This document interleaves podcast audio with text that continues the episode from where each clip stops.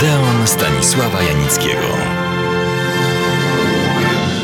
Rzecz dzieje się w czasie II wojny światowej. Jej głównym bohaterem jest Ludwik Solski, jeden z największych polskich aktorów teatralnych. Do mieszkania Solskiego wchodzą Niemcy. Rewizja. Solski siedzi w fotelu. Na ścianie wisi wielki portret przedstawiający go w roli Fryderyka Wielkiego. Jeden z gestapowców patrzy na portret i mówi Unser Fritz.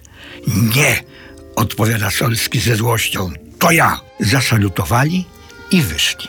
To jedna z anegdot, którą przytoczył w tej książce wspomnienia starego aktora Juliusz Lubicz-Lisowski. Aktor występujący na scenie i ekranie od 1922 roku do końca lat 80. Grał w najlepszych teatrach, w sztukach i filmach reżyserowanych przez najwybitniejszych i nieco mniej wybitnych reżyserów. Wystarczy nawet pobieżne spojrzenie na tę niekończącą się listę.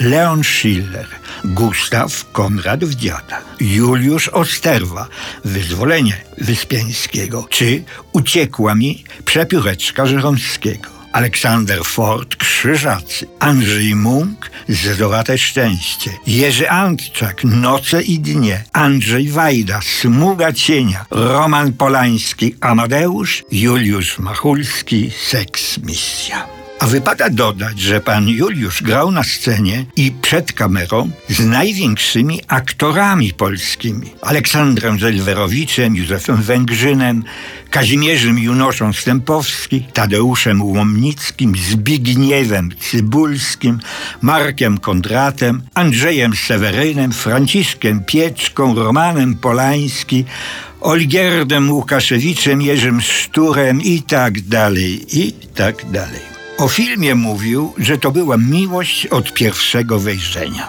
Juliusz Lubisz-Lisowski urodził się w roku 1900 na Kresach. Studiował na Politechnice Kijowskiej, potem już w Warszawie w szkole dramatycznej. Od lat chłopięcych pasjonował się filmem wspomina. Bodaj w 1924 roku w redakcji któregoś czasopism poznałem Karola Iżykowskiego, autora dziesiątej muzy, najwybitniejszy wtedy myśliciel filmowy. Powiedział do mnie, że aktor z takimi warunkami i takim głosem powinien poczekać na film dźwiękowy. I tak się stało. Zadebiutował na ekranie w 1930 roku w pierwszym polskim dźwiękowcu, dosyć swobodnej adaptacji moralności pani Dulskiej. Grał Antka, narzeczonego Hanki. Film i swój w nim udział skwitował po latach. Film był po prostu słaby,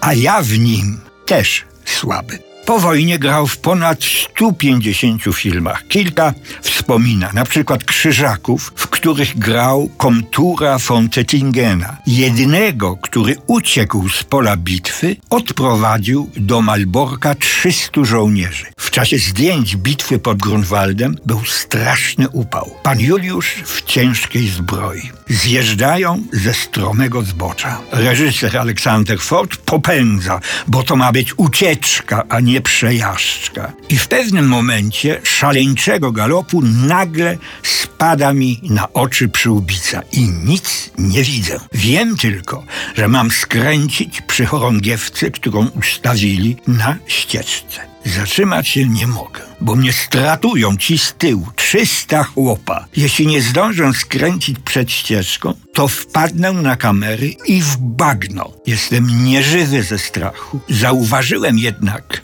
przez szparę przyłbicy ową chorągiewkę, a reżyser uznał potem, że było bardzo dobrze i bardzo naturalnie. Rysopis w tym kultowym debiutanckim filmie Jerzego Skolimowskiego, którego podziwiał za pomysłowość, zapał do pracy, zagrał taki epizodzik. Wbiegłem do budki telefonicznej z zadaniem, by kobieta, która grała moją żonę, przerwała rozmowę, bo zdarzył się wypadek i trzeba wezwać pogotowie. W obrazkach życia grał lekarza, który miał długą, siwą brodę. Wyglądał bardzo dostojnie, więc w pewnym momencie starsza pani, statystka, wzięła go za prawdziwego lekarza. Zwierzyła mu się, że już długo choruje na uremię i nerki i lekarze okazali się bezradni. Zaczyna płakać jest taka bezradna. Przypomina mi się mój ojciec, cierpiący pod koniec życia na tę samą chorobę, z której wyciągnął go zielarz. Radzi więc pacjentce, żeby spróbowała leczyć się ziołami. Wczuwam się w tę rolę raczej psychologa niż lekarza. Wmawiam po prostu, że wszystko będzie dobrze, tylko musi w to uwierzyć. Mija rok, dwa. Jestem w łazienkach. Ktoś biegnie za mną i woła. Panie doktorze! Wesoła, skromnie ubrana młoda kobieta pyta. Pan mnie nie poznaje? Statystowałam w filmie. Chorowałam wtedy. Pan przepisał mi zioła i czuję się teraz świetnie. A tak chciałam pana odnaleźć. Ale nikt pana nie znał. A ja poznałem pana Juliusza w 1988 roku.